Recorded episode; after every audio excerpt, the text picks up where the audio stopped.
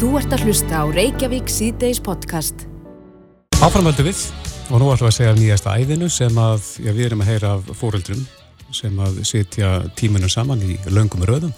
Já, þetta er drikkur sem heitir Prime og sömur kallar þetta orkudrykk en ég var nú að kynna mér innhaldslýsingun á svo og það er, eh, já, engin orka annað en bara að er, þetta er kókosvatn og vatn og svona sölt Mm. í raun og veru ekki mjög ósvipað bara Gatorade eða Powerade sem við þekkjum vel. Já, en þetta er orðið það mikið æði að það skapaðist öngþveiti í verslunum krónar í gær þegar að, að drikkurum var tekin í sölu. Hann er búin að vera seldur í, í kosti í, í einhver tíma en brettin seljast upp á 0-1 þegar þau mæta þangað. Og ég hef heyrt um uh, krakka sem er að byggja um præm í jólagjöf. Akkurat, þetta er, þetta er magnað. En, en mér skilst að það hafi verið eitthvað TikTok stjörnur sem að já, framleiða þennan drikk eða bjöggan til. Já, en hann er sestur í okkur, Davíð Lúter Sigurðarsson framkvæmtastjóri Sahara, kom til sæl Hæ. er, er þetta ekki rétt? Þetta, þetta er einhvers konar samfélagsmiðla æði. Jú, þetta byrja þannig fyrir nokkrum árum og þá er sagt, KCI sem er YouTube stjarna og Logan Paul sem er líka YouTube stjarna þeir fóru svona eitthvað að debata eins og maður segir á, á internetinu og úr varð boxbardagi og það var jafntefli þannig að það var kvart til að fara í annan fætt sko. Og þá vann KSI þann fætt og, og eftir það örðu þeir vinir. Og svo einhverjum árið setna þá allar að tilkynna eitthvað og allir sem að hlusta þá fóru að horfa beina útsendingu og þá tilkynna það að þeir eru búin að opna drikkjarkompani já, og það verður allt vitlaust og þeir eru með brandið og flöskuna og sína þetta og svo leið alveg sko hátt í heilt ár þangað til fyrsti drikkunum kemur á markað. Og þetta er náttúrulega bara eins og ég sem markasmöður horfur á þetta þá er þetta ekkert annað en bara brjálaslega flott stönd sem þeir eru að gera. Og þeir eru að markasetta á unga fólkið uh, fólkið sem er uh, bara inn á TikTok og á þessu samfélagsmiðlum og þetta er svona, já, svona 16 til 28 ára segja þér. Það er svona markofrið þeirra. Og svo opnar í bandarækjunum það springur allt og kannski var einhver hugmynd hjá þeim að framlega bara lítið magn og þeir að þetta myndi seljast upp. Svo hafa verið svolítið í þessu.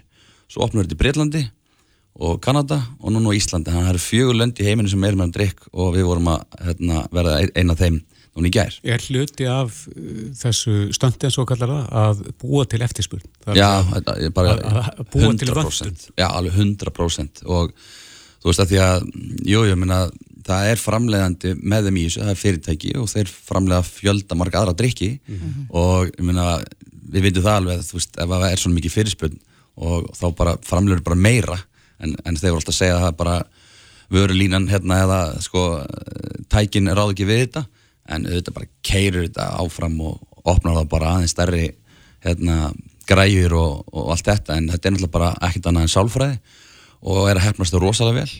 Og ég sem dæmi fór hérna uh, hvað, þrjá staði hérna eftir háti á N1 af því að ég heyrði að þetta var á N1 og króninni og Nei, nei, ég var hálftíma setn og það var allt búið, þú veist, á klukkan bara, bara rétt yfir eitt, sko. það er, Þannig að- nefnilega, sko, það er nefnilega eiginlega að finna við þetta að, að þetta eru þetta markasett gagvart sko ungmennum og, og auðvitað jafnvel þó að, að, að aldurs takmarkanar á samfélagsmiðlum séu 13 ára þá erum við að heyra af tölvöld yngri börnum sem eru bara að byggjum þetta bara hreinlega í jólagjöf. Já, og, en, en hins vegar þá eru það fóreldrarnir sem eru að keira sko, út um allan bæ býða í röðum í tíu stöða frosti til þess að ná í eitthvað sem er í grunninn bara Gatorade. Já, þetta er eiginlega bara, e, sko, þegar ég skoða innjánslýsingar á báðum hérna, drikkjum, Gatorade og Prime, að þá er svona, vinningurinn er eiginlega Prime megin, það er minni sigur og, og það er meira af steinefnum og vítaminum og, og, hérna, og minna kaloríum, hann að Prime á alveg smá vinningi þar, en jú, þetta er mjög góð punktur, þetta er bara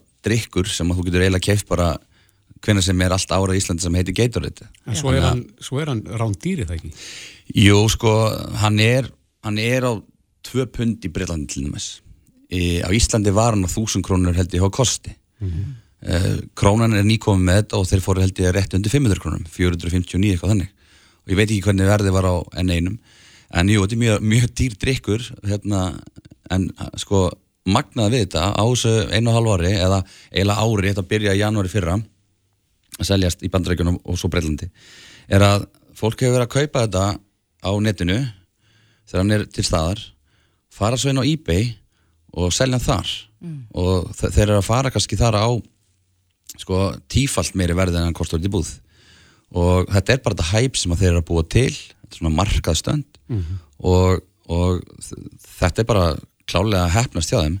En hvað gerir svo? Þegar allir eru búin að smakka drikkin og, og hérna þessi viral effekt er hættur allar að koma eitthvað annað. Meina það er ekki koffin í þessu komaði með koffindrykki næst. Þeir vor, voru að koma nýjan uh, svona, æ, hvað heitir þetta? Þetta er bref sem er með duft í. Þannig að þú getur Til að blanda. keypt- já, til að blanda, þannig að þeir eru eitthvað að þróast. En ég verið að spyrst út, er það gott? Já, ég er búin að sjá nokkuð myndið þar sem fólk er bara einmitt að segja, þetta er bara eins og getur þetta eða þetta er geggjað og það er bara alls konar veist, bara, þetta er svo hæpað að fólk bara elskar þetta bragða því að þetta er præm sko, þú Já, veist og, og svo er náttúrulega líka sérstaklega þegar þetta var nú ekki komin í svona, komin í svona kannski almenna sölu bara í, í krónunni og enn einum og eitthvað Mhm. að eh, ég heyri nú af einum, einum ungum dreng sem að, að ég fekk eina flösku það náðist að finna eina flösku handunum og hann er að spara hana svo vel að hann kemur heim á skólanum sko og tekur eitt sopa og lokar svo og Einn geymir eitt sopa á dag. Og það hann ætlar ekki að klára þetta. Það var Nei. bara til ein. Já, já, Þannig að, að þetta er auðvitað, og já, síðan eru kannski alveg svona siðferðislega spurningar um það hvort að, að það ætti að vera beina markaðsefni með þessum hætti að, að ungum börnum, en, já, já. en svo aftur á móti kannski ættu þessi ungu börn ekki að vera á Nei, nei, nei, veist, þessi drikkur er bara alveg svo Powerade og Gatorade og ég veit um marga fórhaldar sem kaupa þetta fyrir börnin sín sem að eru kannski slöpp eða veik sem fá steinefnum og allt þetta. Og þetta er bara svona svipað en auðvitað er að nálgast hópin með því að fara á TikTok og Instagram og allt þetta. Og þetta er eiginlega aldrei auglýsingar beinar. Þetta er eiginlega bara ári af aldrinu sjálfu Logan Paul eða KSI sem að eru með þetta og þeir, þegar þeir eru að boxa eða koma fram þá er alltaf með þetta með sér og þetta er náttúrulega bara uh, bara ekkert annað en placement sko. Þetta sýnir bara hvað maðurinn og við erum mikil hjardir. mm algjörlega, þetta er bara ekkert annað en hjarðhægur núna síðan tvo daga. Og hérna, það sem ég gerir svo í kvöld býsti við og morgun er að þeir sem að náðu sér í þessa flöskur núna undanfarnar tvo daga þeir eru að fara að hendur sér inn á eitthvað vifi, hérna, Barnaland og, og hérna Það er brjála að gera brask og brall Já, akkurat, þú veist, og þetta fyrir glippi í hugust, ég er með drikkarn á 20 krónur og þetta mun seljast, ég er ekki til að lofa eitthvað, hæpið er ennþá, en eins og ég segði þann, hvenær hættir það? Þeir þurfa að koma með eitthvað mega flott til þess að halda þessu við, sko. Kannski rétt í lokin, þarna er það, þekkjum við dæmi um, um eitthvað aðra svona vöru sem hefur verið Veistu hvað Ég, ég fór alveg yfir það í hugunum, bara hvað er þetta? Og ég spurði bara hérna, til dæmis 17 og stráki minn sem ég var að finna hennar drikk fyrir núna í dag. Og hann segir, nei pabbi, er þetta ekki bara svolítið eins og klósitpappirinn í COVID? Já, akkurat. Þannig að þú veist, Já, það er alveg fólk eina er að hamstra þetta Já, já, þetta er bara ekkert annað en bara hjarðhægun og, og allir að hamstra. Þannig að næsta dæmi var klósitpappirinn í COVID sem ég man eftir. Þannig að þessir tíminningar fá tíu fyrir brellu, auglýsingabrellu. Já, já, hinga til og svo bara hvað gerist næst og þú veist, segjum átta og ef þeir halda áfram komið aðra vöru sem við heldur þessu við, þessu viral effekt sko, þá fer ég alveg fyrir tíu Já, geymum hann aðeins. Já, Daví Lúter Sigurðarsson, frangotastjóri Sahara. Kæra þakki fyrir komin og góða helgi. Þú ert að hlusta á Reykjavík C-Days podcast. Hafði engar áhyggjur, er sungið í þessu lagi, þetta er KK, Mhm. en það eru margir sem að hafa áhyggjur. Já, um, ég held að þessi, þessi árstími sé nú bara sá árstími þar sem að kannski flestir hafa ágjör. Mm Uh, þetta er dýrmánuður, jólahald er dýrst og svo erum við þetta undarfarnar daga mikið búin að fjalla um uh, leigumarkaðin Já. og hækkanir á leigu og, og hann var nú hérna hjá okkur uh, Gunnar Þór Gíslason, stjórnarformaður Ölmu leigufélags en uh, Ragnar Þór Ingólfsson, formaður Vaffer, hann skrifaði nú pistila á fésbókar síðuna sína þar sem að hann uh, nýtir mikið í, í orð Gunnars. Já, já, í þættinum okkar. Mm Og Ragnar Þór er á línu, kom til sæl. Já, komið þið sæl. Já, þú segir líka að þú eh, ætlir að byrta hryllingssögur uh, frá fólki sem á í samskipti við uh, þetta leigufélag. Ég held ég hafa nú samt ekki orðað þetta þannig.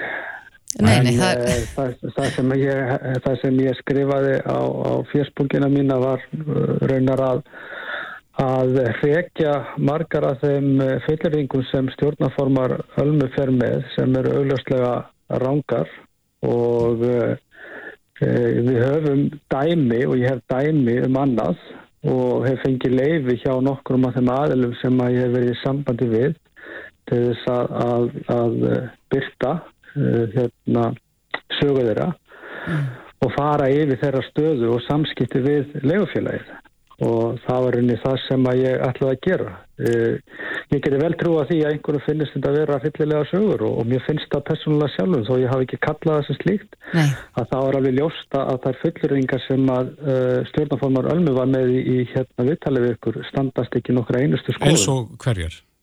Eins og til dæmis það er að uh, málefni Brynju sem að uh, fekk á sig 30% hækkun Uh, og hækkunni var þar um uh, 78.000 krónur á mánuði sem að jafngildir launahækkun ég, þurfti að hækka launum 133.000 bara til þess að standa undir þessari hækkun -hmm. hjá þessari tilteknu konu að við erum með fleiri dæmi sem sagt hérna frá viðskiptavinnum eða leyendum ölmu sem að hafa fengið 30% hækkun eða um það byll og fjöld annar að dæma sem eru langt frá þessum 10% hækkunum sem hann fullirt að væri svona meðal hækkun yfir, yfir hérna, þá samninga sem eru endinja. Mm. Og það er meira að þeir verðast nota uh, þá taktík að ef að fólk vil koma í langtíma uh, leigursamband og meira öryggi uh, og meiri fyrirsjámanleika upp á,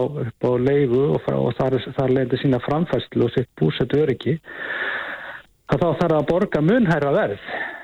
Ég geti trúa því að, að, að, að le, nýja legusamningurinn sem að hækkar um 78.000 kall ef þú, vilt fá lengri samning eða, eða, eða 5 ára samning eins og bóður upp á, mm -hmm. þá, þá verður hann munhærir og fólk hefur einfallega á þessu. Nei. Og við erum, við erum til dæmis með annar dæmi hjá, hjá erlendu hjónum sem eru að fá 30% hækkun eða, um, um það byrj og uh, þar var leigan fyrst fyrir tveimur árum 220.000 hún hækkaði sér fljóðlega upp í 235 og þetta er allt, þetta er allt umfram vísitölu hækkun, þetta er allt verðtrið, verðtriði samningar.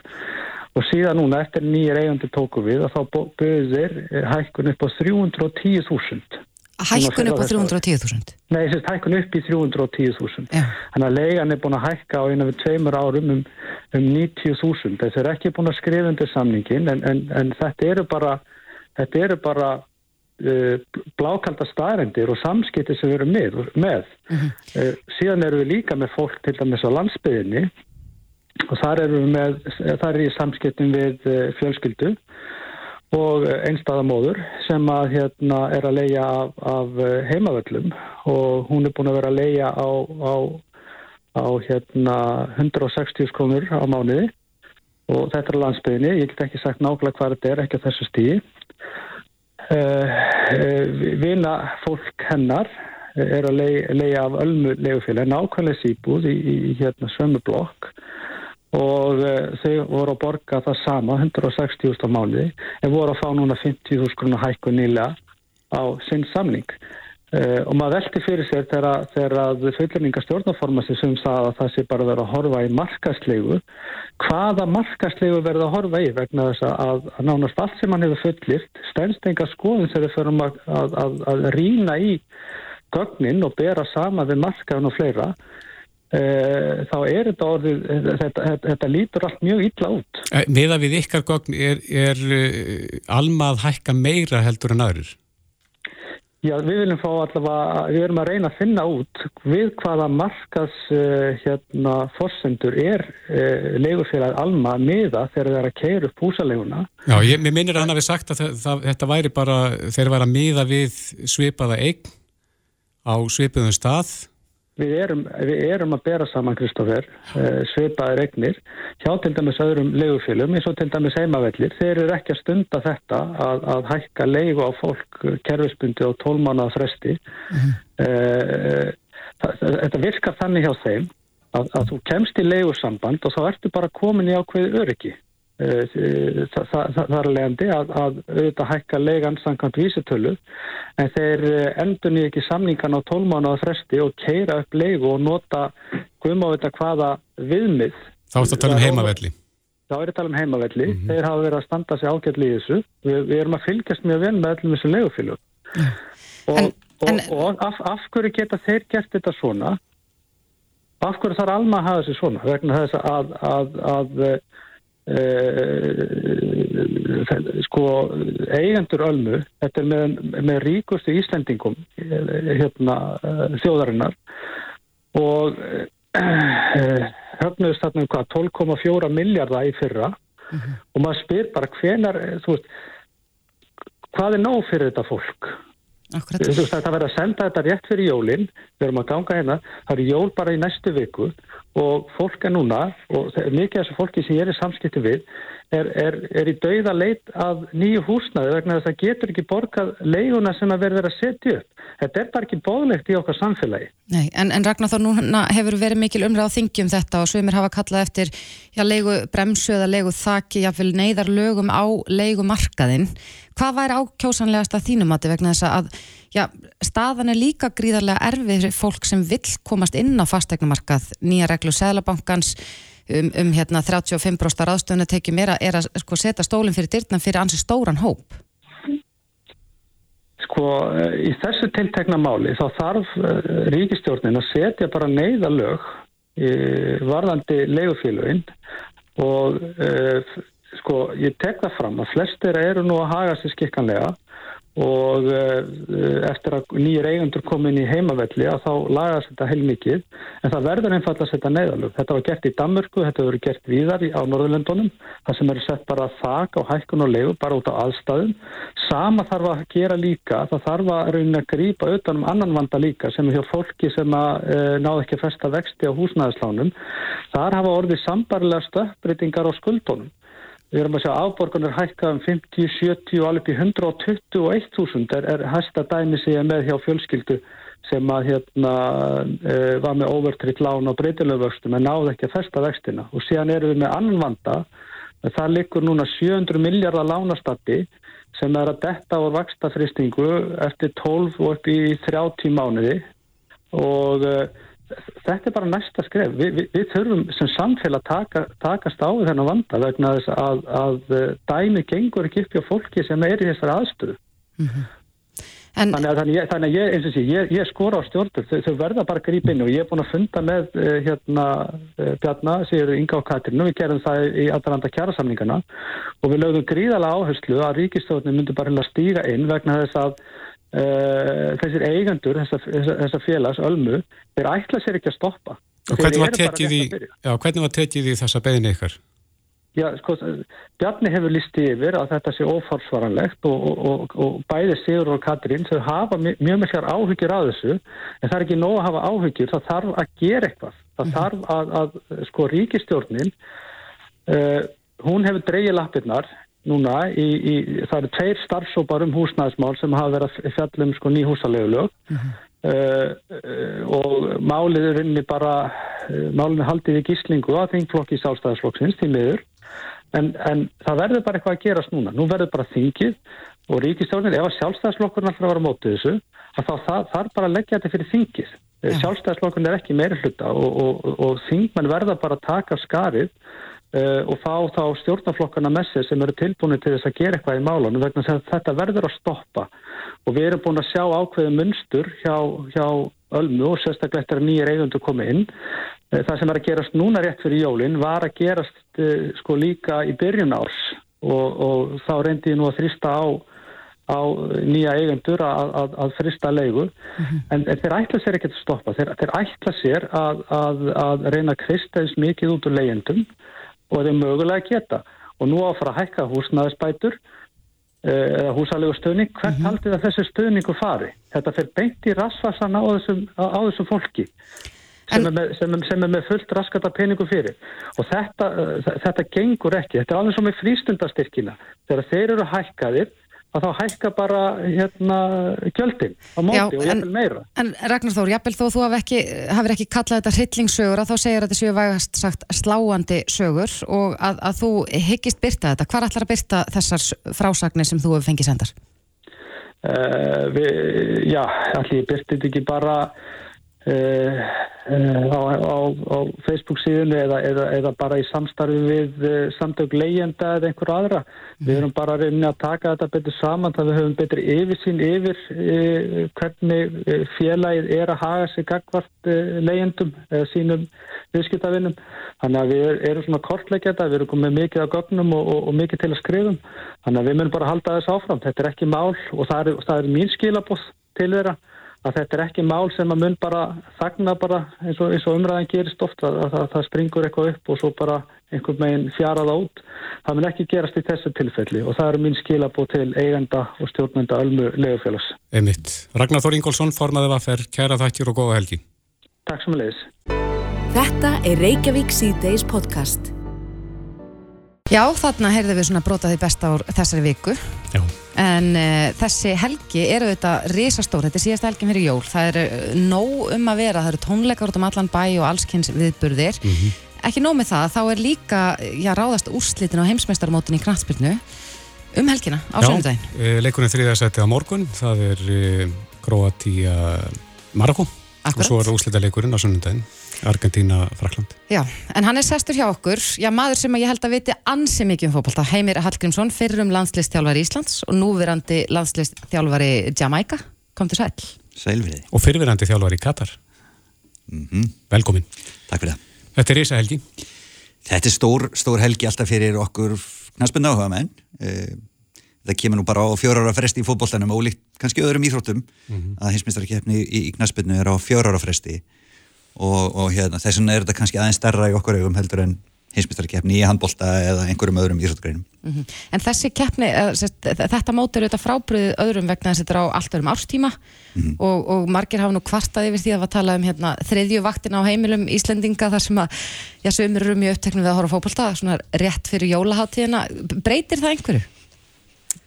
Á heimilónum já, kallmenn eru líklega að minna í skúringunum og svo leiðis en, en við verum að taka til hendinni núna þegar, að, þegar að þessi helgi búin Nei, það, það, þetta, þetta hérna vakti kannski miklu aðtekli í upphafi. Hvar mótið, í fyrsta leik hvar mótið er að þetta skulle vera á þessum tíma og allt á, í svona litlu landi eða svona, já, smæði landsins og, og, og þjætt á milli valla, þetta, þetta vakti svona, ef að segja áhyggjur en svo hefur þetta bara spilast mjög flott og, og hérna kannski það sem er, er áhugavert að það hefur í rauninni lítið verið kvartað yfir Frankvænt Mósins eða, eða einhverju í kringum mótið. Þannig að ég, ég held að þetta hafi verið vel hefnað og fyrir okkur hérna í guldanum að fá fókbaltaleiki við vetartíman er, er miklu skemmtilega heldur en að missa af grilli eða eitthvað svoleiðis um hásumar þegar maður vil vera úti. Mm -hmm. En leikunum þriðasettið er á morgun og öskubuska mótsins Marokko mm -hmm. hefur komið óvart. Minnir pínulítið á Íslandíku, við gerum konun hér um daginn þar sem við spurðum sko með hvað liði helduru í fjóralegu úrslutunum. Þar var Argentina með mestafjöldan, uh. en svo kom Marokko. Ja, gaman að því, að því að uh, sko fyrir móti vissi urinn engin mikið um Marokko uh, og, og fótboltan þar. Og... Serðu líkindi með Íslandi og Marokko? Nei, sjálfum sér ekki mikil. Þa, það eru óbúslega einstaklega skæði í þessu liði hjá Marokko. Þeir hafa ákveðið að leika kannski meiri varnarleik heldur en sóknarleik en þeir eru góður sóknarlega mm -hmm. en, en þeir hafa veðjað á, á réttan hest í því að, að spila sterkan varnarleik og kannski leggja áherslu á það og því litinu til tengi við svolítið við þá e, en, en Stort það, hjarta í liðinu? Já, gríðalega stort hjarta og þjóðinu öll á, á bakvið þá og ekki bara þetta er í fyrsta skipti sem að Afríku þjóð fer svona langt mm -hmm. í sögunni og þetta eru þetta haldið í muslimaríki hinsmestaramótið e, sama trú, þetta eru arabar e, þannig að þeir fá mikinn stöðni líka frá heimafólki og kannski þessum löndum í kringum það sem að mótið er haldið þannig að, þannig að það, er svona, það er allt með þeim mm -hmm. En á sunnudagin eru þetta stóri leikurinn þar sem við komumst að hver, hverju verða heimsmeistarar mm -hmm. um, er einhver svona hefð hjá þér í kringum þetta? Ég heyrði nefnilega veinu manni sem að borða alltaf vínabröð Þú veist, ég bara svona veldið fyrir mér. Á leikdegi? Á leikdegi. Nei, nei, nei, þetta er bara oft leikir sem að einhvern veginn festast í minni manna. Þú veist, mm -hmm. eins og sé einu svona á fjörara fresti kemur þessi leikur og þetta er bara svo þetta er svo mikið upphæð fyrir þá þjóð sem að vinnur þetta. Þeir hafa þennan titil í fjögur ár og, og hérna ég held að við höfum fengið tvö sterkustu liðin í ústildaleg sem að er skemmtilegt e, við þetta mót sem hefur eiginlega á held ég á flestan ef ekki allan hátt verið velhefnað. Mm. Er þetta spá eitthvað fyrir um hvernig þessi leikur endar? Nei, við, við svo kallega sérfræðingar höfum við að spá ímsu á þessu móti og það hefur gefið okkur alveg ótrúlega óvænt úslitt og við lítum oft fellega kjánalega út ef við erum bara að spá eitthvað. En, en þessi lið eru bara mjög jöfn, hafa innanbors bestu leikminn í heimi og, og, hérna, og það er mikil tilökun bara að, að fá hana leik á sunnudagin. Já, ríkjandi heimsmeistarar auðvitað hérna frakkarnir. Sjálfgeft, mjög sjálfgeft þeir, þeir vergi titilin eða hafið tækið fyrir að verja titilin. Mm -hmm. Hvenar var Argentina síðast heimsmeistrar? Hafaðir orðið heimsmeistrar? Spyrjum nú eiginlega bara. Já, ég, nú, nú talar ekki Ég held að Bræði sem. Ég held að sé fjóru sinnum en það er ekki eitthvað svo leiðis. Það er unnu 78 og síðan 86 og síðan hefur ekkert gæst hjá. Er þið bara búin að vinna tvísar? Já, en þeir komist út Þannig að sér nú sér frá því að hefa leikan hjá mér. Nei, en Bræði er náttúrulega, þetta er, þetta er eitthvað svona náðargáfa í honum, hann getur bara þölu upp úrslitin í öllum úrslitaleikjum HM alltaf. Já, þá hef ég séð á báða. Ég var 11 ára þegar þeir unnu Hollendinga 78. Er, er þið nú gaman fyrir ekki fyrir Messi að, að taka þetta núna? Er þetta ekki síðast í landsleikurinn hans? Já, fjölmjöla fólk vil allavega segja það. Þetta sé, sé síðasta mótið hans en með að við hvernig hann er að spila núna þá að því að næsta heimsmyndarót er eftir þrjú og hálft ár. Ég held að hann verði alveg maður í það að taka eitt mótið viðbót en hann, hann auðvitað ákveður það eh, en hefur ekkert gefið það út að þetta sé hans síðasti leikur eða þetta sé hans síðasta mót. Nei, þannig að þetta eru bara getgátur á þessu stíð. Já, þetta er svona kannski til að auka romantíkina í, í þessum leik, þetta geti verið svona hans hans hverjuleikur. Já, en Argentina eru þetta mikil eh, knattspyrnu þjóð, mm -hmm. þannig að þetta eru þau mjög, já svona stór stund ef þeir hafa ekki eh, sigrað síðan 1978, sér það? 86. 86, ok, fyrir ekki. Þá vann bara Maradona mótið nánast upp á sitt einn einstæmi. Já. Rétt. Akkurat. Jú, það, það er alltaf kolvi í, í, í Argentínu og er búið að vera allt þetta mót og þeir náttúrulega fara alltaf í svona mót með, með mjög mikla pressu frá þjóðunni og, og fólk grætur bara heima hjá sér fyrir fram að sjónvarpið mm -hmm. þegar það, það gengur vel og, og líka þegar það gengur illa þá, þá fara sjónvarpið nefnilegt út af svölunum bara. Mm -hmm. Þannig að það, það er mikið liti í, þarna í Argentínu.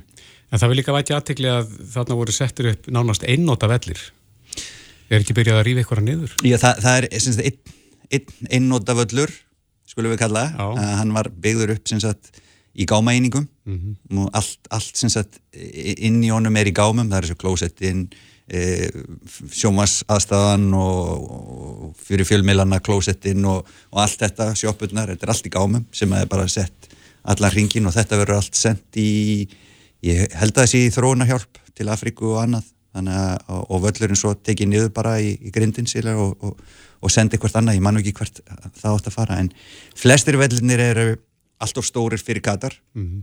þeir eru svona frá 40 upp í 80.000 og þeir verða allir lækkaðir held ég nefna einn eða tveir niður í svona 20.000 þannig að það er búið ákvaða hvert sætin fara og það er á alltaf fara í ykkur skonar ykkur skonar þrónihjálp Getur við lært eitthvað þess að því að nú eru við að og hefum verið að rífast um þjóðarleikvang hér. Já, við hefum náttúrulega aftur að fá kannski eins og 20.000 mann, mann að hluta á einhverjum velli og Já. setja þetta upp inn í lögutanum ég veit ekki hvort að hvort að við höfum farið í þær umræður. Svona ringbyggðan Ja, mm. ég, ég veit ekki hvort að við fórum eitthvað í þær um, umræður en, en auðvitað er þetta kannski e, sumir vellinu þarna byggðir einfalt af því að það átt að taka það niður eftir eftir kemna mm -hmm. Svona rétt í lokin, er eitthvað sem stendur upp úr svona þínu mati í kemninni? Nei, ég bara, ég held að þessi tilraun sem að margir voru hrættir við, ég held að hún hafi hefnast á, á, á flestanhátt þar sé að tímasetningin, ég hugsa að leikmenn eftir þetta, þessa kefni muni kall eftir því að jáfnvel að þetta verði gert aftur vegna sem nú fá þeir sumafrí mm. sem annars hefði farið í heimsistara kefni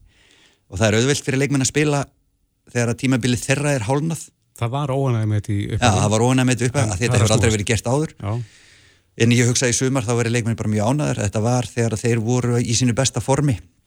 En svona þegar við lítum tilbaka þá held ég að þetta mót uh, verði minnst fyrir óvænt úslitt svona nýjar þjóðir, Asjú þjóðunar hafa komið mjög sterkar inn í þetta mót uh, gett sér gildandi. Og svo eru óbáslega margir ungir leikmenn sem hafa uh, stíðið sín fyrstu skrif og jafnvel leikmenn sem eru 18, 19, 20 ára hafa verið bestu leikmenn í sínum landsliðum. Þannig að mjög skemmtlegt fyrir utan það gömlukallarnir eru líka uh, á lífi Messi, Ronaldo, uh, Pepe uh, Modric, þeir eru leikmenn sem eru að nálgast færtugt allir en þeir eru ennþá á topnum í sínum, sínum liðum. Já, þetta er gríðarlega spennandi og verður eh, dásamlega skemmtilega helgi fyrir þá sem að fylgjast mikið með knastbyrnu og jafnvel allara. Heimir, Hall Heimir Hallgrímsson, fyrir landslistþjálfar Íslands og núverandi þjálfar í Jamaica. Takk fyrir komuna og góða helgi. Sem leis. Þetta er Reykjavík C-Days podcast. Það er nú því miður bara, þetta var nú rosalega fallegt jólalag sem við herrum þetta rétt á hann, en það Mjög. er því miður staðreinda að marga kvíði fyrir jólunum. um, og oft hefur verið talað um það að drikja uh, aukist í kringum hátíðarnar. Já, En uh, já, eh, við reynda rá, rákumst hérna á frétt og við, erum svo sem við tölum oft um þetta og, og vandin er mikill hvert sem það lítur, ekki bara á Íslandi heldur allstaðar. En við rákumst á frétt þar sem var verið að segja frá því að eh, já, þeir sem að glíma við áfengisfíkn eh, geta fengið ketamin til þess að hjálpa þeim að hætta að drekka.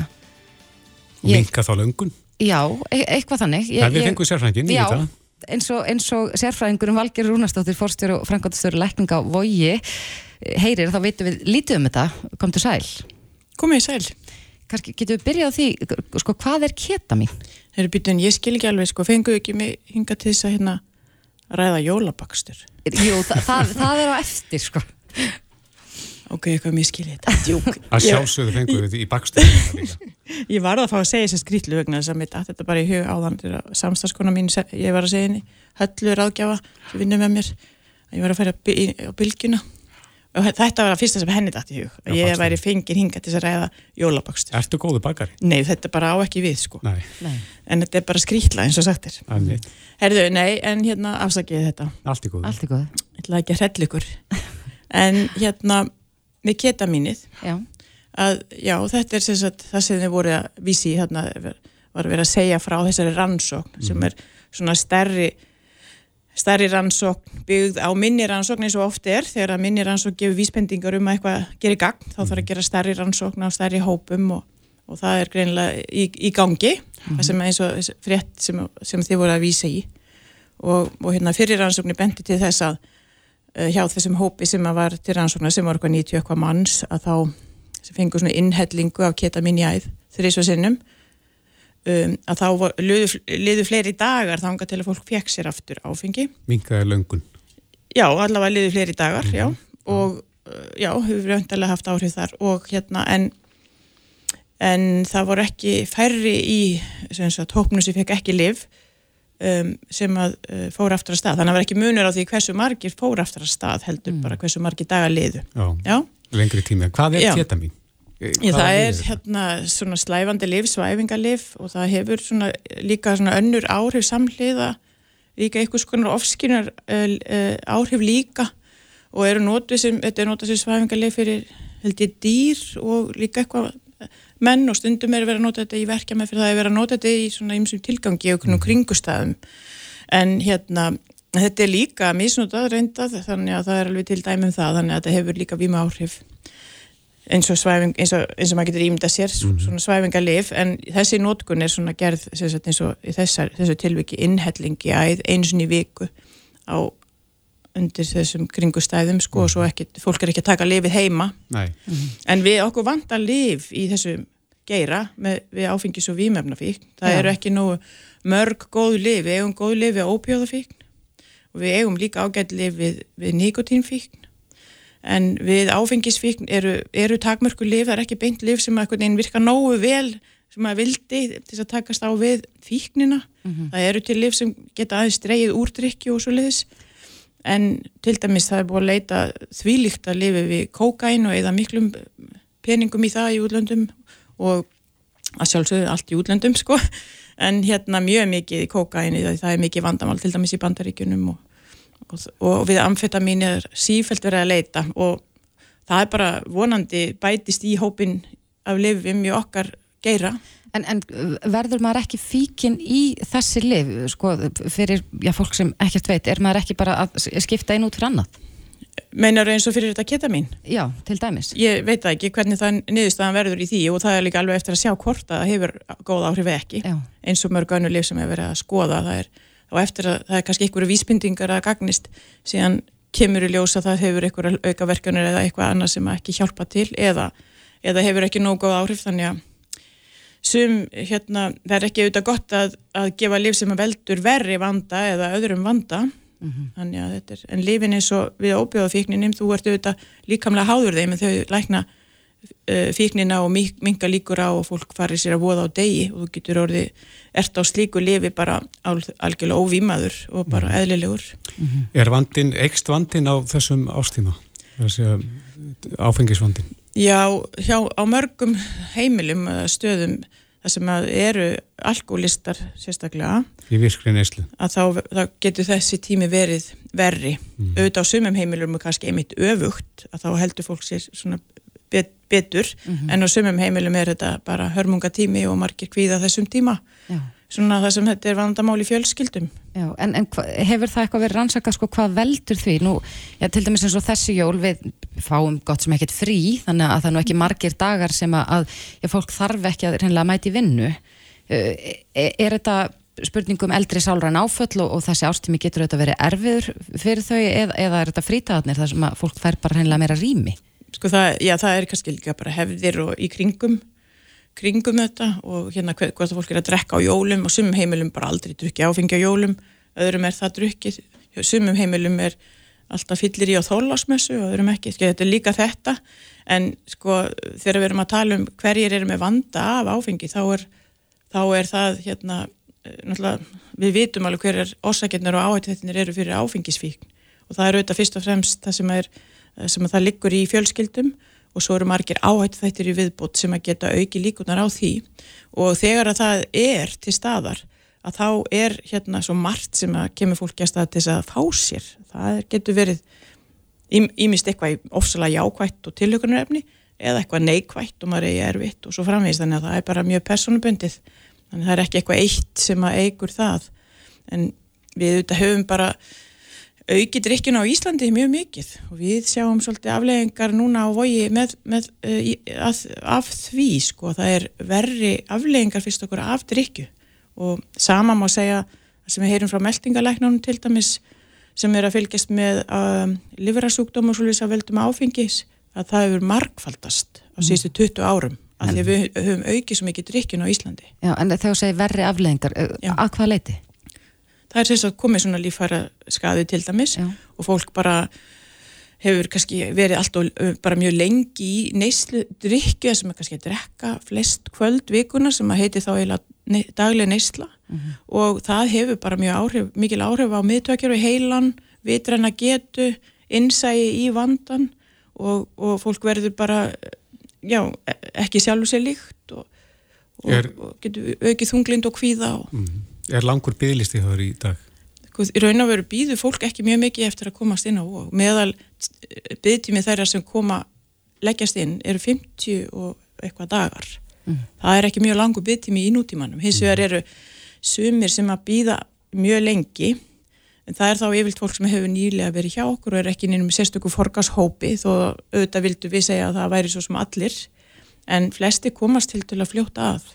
En hvað með áframhaldandi meðferð? Og áframhaldandi meðferð þá búum við svo vel hjá S.A.A. að hafa marga leiðir í því. Það er náttúrulega, þessi skipti kannski eina mestu máli að, að geta uh, komið fólki, sagt fyrst og fremst komið fólki áfram í næsta úrræði, það er að segja í næstu meðferð, hvort sem það er í göngu deild eða inn í líkjandi meðferð eða inn í annað kerfi sem að fólk óskar frekar, en við getum fyllt fólki eftir alveg í ár í okkar meðferð, svo það er mjög gott. En það þarf að standa vörðum þetta sko, því þetta er aðgengja meðferði kannski eina stærsta og mikilvægasta uh, aðgerðin sem við höfum gagvart fíksútami sem er svo algengur, hann er 10-15% af populasjónin eða samfélaginu er með þennan vanda og ennþá starri með eitthvað svona minni vanda sem þarf kannski ekkit mikið yngri bí en þetta er bara mjög alvarlegt vandamál. Einmitt. Valgerur Rúnarsdóttir, fórstjóri og frangvæntastjóri lækninga á Vogi. Kæra þakki fyrir þetta og gangi ykkur vel um jólin og gleðileg jól. Já, sömu leiðis og takk fyrir að bjóða mér. Þú kemur næst og talar um með bakstur. kökurnar. Já, takk. Reykjavík síðdeis á Bilginni podcast. Jæja, þe- þeir eru komnir bræðirnir. Náða Já. berja stingað í gegnum umferðina. Já, eh, aldrei svo vant er Jónar réttin tíma Já. og ekki með neinn börn. Ég sko var að leggja þegar við varum að tala um þetta aðan og svo satt ég og hlustaði á alla sagt, afkynninguna hjá ykkur sko, mm. þið fóru síðan að tala fallega um okkur sem að mér þótti mjög væntum Fyrstu tár. Þeir, Já, já, líka því að þú varst múin að brjóta mér svo mikið niður að ég mætti hérna segja eftir sundið og það. Veistu hvað, það er vitt að vera mörg börn í sundi? Ég geti rétt ímynda mér það. Þú varst sko ekki bara með öll tímbörn heldur líka eitthvað svona auka Já, já, alls konar viðhengi. Já, já, svo flott En strákar, Já. bræður um, Það eru stórtónleikar á morgun í Kaplakrika á heimavelli. Á heimavelli. Það er algjörlega þannig og hérna gaman við byðum með það alveg þangar til deginum áður að koma í okkar fyrsta exclusive útasvital þannig að takk hann á okkur. Og uh, en þetta búið að vera svolítið gaman í vikunni að maður er búin að sjá, það er greinlega einhver stemning það er eitthvað að vera að peppa veist, og líka held ég sko, þetta er oft svona vinahópar að fara og einhver, einhver svona ég ætla líka að fara, þannig að einn miði. kemur stakki er þannig að það er uh, að myndast mjög góð stemning fyrir tónleikunum, herri, líka mæta snemma. Já, Já, já, það verður DJ Gerð þú DJ soundi, mikið betri Já, þú veist, það verður frá sko kortir yfir sjö og við byrjum síðan klukkan hálf nýju sko. En, en segir mér, eru þetta jólatónleikar? Já, já, þetta eru tónleikar í Já, aðdraganda jóla. aðdraganda jóla. Anda jólana já, já, já, Já. Já. Þeir náttúrulega voru að gefa út frábært lag, Jólabróðir. Já, Já. það var svona tilhörun til þess að kannski eh, setja eitt dropa út í þetta annars ekki jólalega mm, eh, sem sagt, laga flóð skrift, vákvæmt átt að vera eitthvað mikið. Já, eh, þannig að við tökum það, þá getum við kallað þetta jólatónleika. En hinn lögin eru svo mikið um kærleikan og svona og já, mikið um eh, hérna ljósið og friðin já, já Bestu lögin ykkar Já, já. þetta er bara, verður bara nákvæmlega svo leis Þetta verður þannig, þetta verður, það verður mjög skrítið ef einhver sem er búinn að kaupa miða, þú veist, það er svona max þrjúlög sem getur ekki sungið með, myndi ekki segja það? Jú, það er bara því að hann verður einhverstað frammi eða eitthvað Já, akkurat. En sko ég var að rifjaði upp hérna áðan uh, frikki þegar ég fór á tónleika, þína tónleika stór tónleika í Kaplakrika Já. sem voru algjörlega geggjaðir Já, það er bara uh, Það var mikil. Já. mikil gírun, mjög skemmtilegt verður Já. þetta eitthvað á pari við það? já, klárt Þetta er bara, það er bara nákvæmlega sá gýr sem við erum að fara að keira á Já, við líka erum að fara saman í nám, bræðinur, við erum hætt í tónlist. Já, við erum að fara í húsgagnasmíði til Norex Já, sagan á baku þetta er þetta svo að, mm að Freyrik Dóra ætlaði sér að fara Mhm. Já. já, hvað til Ítalíu? innan hús hönnun. Svo tók lífið yfir og Lísa var ólétt við erum að fara í húsgagnasmiðinni, þannig að þetta er síðasta gigi okkar bræða. Þannig að þeir sem að ætla að næla sér með það endilega, það er bara fáir eftir, sko. Já, Já, já. já, já við erum að fara í húsgagnasmíði Hvað er maður að fyrir þetta ykkur? Bara, er fínt, sko. Ert svo fín hérna í grænum kjól og... Mjög jóla, Já, Já. þú ert að fara að jólast eitthvað í Hafnarfirði. Já, ég ætla nefnilega að vera í eitthvað heima bæ í kvöld. Það er besta jólast í Svo hafnum gistur á hótel Hafnarfirði ekki og kemur svo Jú, mæti svo tónleikana. bara beint Já, tónleikana Jú, jú. Smá auðvitað. uppbyttin í kveld Já, Nákvæmlega æðislegt. En En, það eru nokkrir miðar eftir Já, já. Þeir fara bara út núna Er það ekki? Þið eru með svo mikið power í þessu. Já. Ha, margir að hlusta og, og svona fólk hlýði því sem þið segið, er það ekki? ég myndi allavega hvetja alla hlustendur til þess að kíkja í- inn á text.is Já. kaupa sem betur Algjörlega, ég samanlega því. En eru þið stráka til í að taka jólalagið? Já, Það er, allavega svona það er vel hægt að að því heyrðu, það er gítarinn, það má ekki bara nota þannan hérna. Þú tegðu því, hva, hann er tengdur. Ok, ok, ok, ok. Er það ekki? Við erum hérna inni í góðum fílinga, ekki?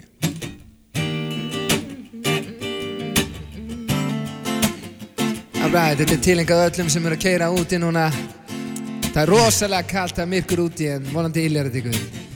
Rósi, ég vild við getum upplifa Jólæsk okkar var svo næs alltaf Vorum klættir í stíl, settum bakk út í bíl. Með pappa skulla þeim á ættingar Já, mamma sæta var með sunduna, gera kræsingar, aspa súpuna. Gerði geggjaðan grís, heima lagaðan ís Pappi sá um að gera brúnaðar. Á sleða niður minninga sló Tilfinningin svo góð Er heyrum við kluknar hljó Nú koma þau blessu jólin. Jólin Allt verður svo best um jólin Að slæðinu sex, allt verður svo best, best og þú ert minn jólabróði. Bróði. En nú erum við orðni stóri Fulláttum menn og ég sakna þín bró. Hver einustu jól, bróði minn. Kjarta sníkir hann var kongurinn Komið teiknum minn Ná tvöta mannskapinn. Besti jólasveitin, langt besti jólasveitin Kjarta sníkir hann er svengin minn. Mamma stakk mandlunni í fróma sinn. Fekk aldrei vinningin, eina súra minningin Pappi vann hann alltaf Ég hef sætt mig við þær. Ég finn ennþá af og til stingin Að sleða niður minninga sló Tilfinningin svo góð. Er heyrum við glugna ljón. Nú koma þau blessu jólin Jólin. Allt verður svo best um jólin. Á slæðinu sex Allt verður svo best, best, best. Þú ert minn jólabróði Bróði En nú erum við orðni stóri Fullaði menn og ég sakna þín bró Hver einstu jól. Ah. Ég set í gluggan minn skó. Góð Því svengi kemur í nóg Svengi kemur í nóg Á mér aðeins eina Að fá í skó jólabró Oh, oh, blessu jólin Jólin Allt verður svo best um jólin. Slæmi sex Allt verður svo best, best, Þú best ert minn jólabróði Ég bróði En nú erum við orðni stóri Fullorðni menn. Og ég sakna þín bró Einustu jól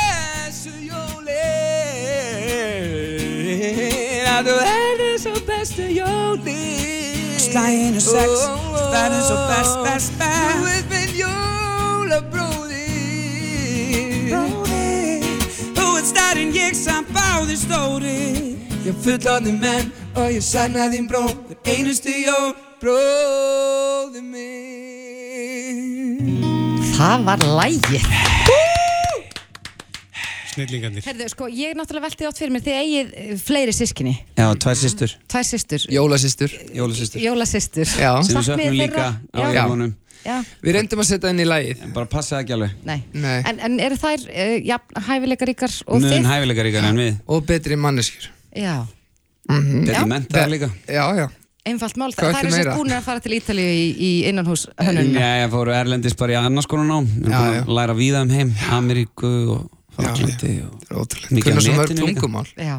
Já En uh, Viltu ef að ringi það eða? Já, við heyrum í þeim. Já Nei, Nei, nei. Kannski, kannski ekki núna, kannski Nei, næst. Nei, við Þær þurfum eru að taka með æðislegar. næst Já, Já Og við, En- við elskum ykkur Þið voru að tala um Já. hugsanlega að gefa tvo miða. Eru þið til í það? Við ætlum ekki Er að hætta þið við það en Nei, nei, jú, ef við gera það já. Það er ekki. Endilega Kunnið þið símanúmerið hérna? Já, já Hvað er það? Það er hérna 5, 6, 7, 8, 9, 8, 9 Nei, 11, nei. 11. Þú sex, sagðir sjö, ellefu, ellefu. átta stafi, sko. Símanúmer eru oftast... Nei, ok, nei. Nei, nei, allt í góðu nei. 11, Ok. 11, já Ég 5, kann 6, 7, ekki 11, telja. 11. Fyrir þá sem að vilja Eins og sér sem var, ekki? Herðu hérna já. glóa alla línur. Ei, alvöru? Já, hver er hér góðan dag? Já, góðan dag. Þetta er stekkjastur Já, góðan dag. Hva, hvað heitir þú? Það er sætjastur, mættur. Stekkjastöður sjálfur. Ert þú á höfuborgarsæðinu Já, og langar þið á tónleikana? herðu, það væri hrikalega gaman. Hvað segir þið bara? Heldur betur Já, bara, Er það þetta- væri bara heiður að fá þig Ertu góð manneskja? Ég, ég tel mig vera þokkalega Já. já, já Já, já, þá Ég heyrði það strax. Farðu tómiða Ertu, ertu góður jólabróðir? Herðu, frábær jólabróðir. Æðislegt Já. Alveg alla daga. Æðislegt, það er svo mikilvægt Það er nefnilega svo mikilvægt að vera góður jólabróður alla daga Mhm. Það er ekki bara Ég jólama er búin að taka neðið númerið. Er það? Já, Já, já ég er rítari. Þetta er samt svo gaman. Er, er stekkjastöður í símarkonni? Það er góð spurning. Ég hitt hann Fælti dag. ekki að vera gaman á morgun hjá okkur Já. Það verður svo gaman Það er. Slökkum til að sjá þig Hve- Hvenar, hve- hvenar eru þessi tónleikar áttu? Þú færðu upplýsingar um að þú færð miða Það er annarkvöld. Já, á morgun frábært. Við sjáumst þar Gekja. Þú eru fremstur Já, bæ Já, takk. Takk hérlega. Takk, læs Herru, gætjað, eh, kæri bræður, bara góða skemmtun á morgun. Takk fyrir Sumulegis og góða skemmtun í kvöld líka. Já, ég ætla að skemmta mig vel í hafna fyrir kvöld og ég er frá Sólahólm eða Já. svo kallan Jólahólm. Jólahólm Ég ætla að taka það ædolið bara frábær síning hjá hún Já, hún er Já, það er en við Já, það er bara núna eftir bara smá Idol. Er ekki klukka sjö? 150 sem komast í bæði. Við getum allir verið á Jólahólm í kvöld sko. Þannig að- þannig já að hinn er horfa bara Já. Jón Jónsson og Frikki Dór, kæra þakkir og góða skemmtun. Takk Takk sumulegis kærlega, Guð bless ykkur öll Fréttir og fróðleikur. Reykjavík síðdeis á bylgjunni. Aðgátt og örlindi er ein vinsalasta bók Jane Austen. Spennandi saga um ástir og örlög tveggja systra með ólíkt lundarfar. Mál og menning. Mikil umferðarteppa er nú í borginni og von á form... Hæ, hæ, átti ég að sækja í dag? Ah, herðu, ég retta þessu. Ég ringi bara í skólan, byrðu bara um að hafa það aðeins lengur. Já, já, og, og, og byrðu um að, láta þau föndra kannski jólagjafina sem vantar. Er brjálað að gera fyrir jólin? Kynntu þið leiðir til að minka álag á velvirk.is. Vinnum Hlustaðu hvena sem er á Reykjavík síðdeis podcast.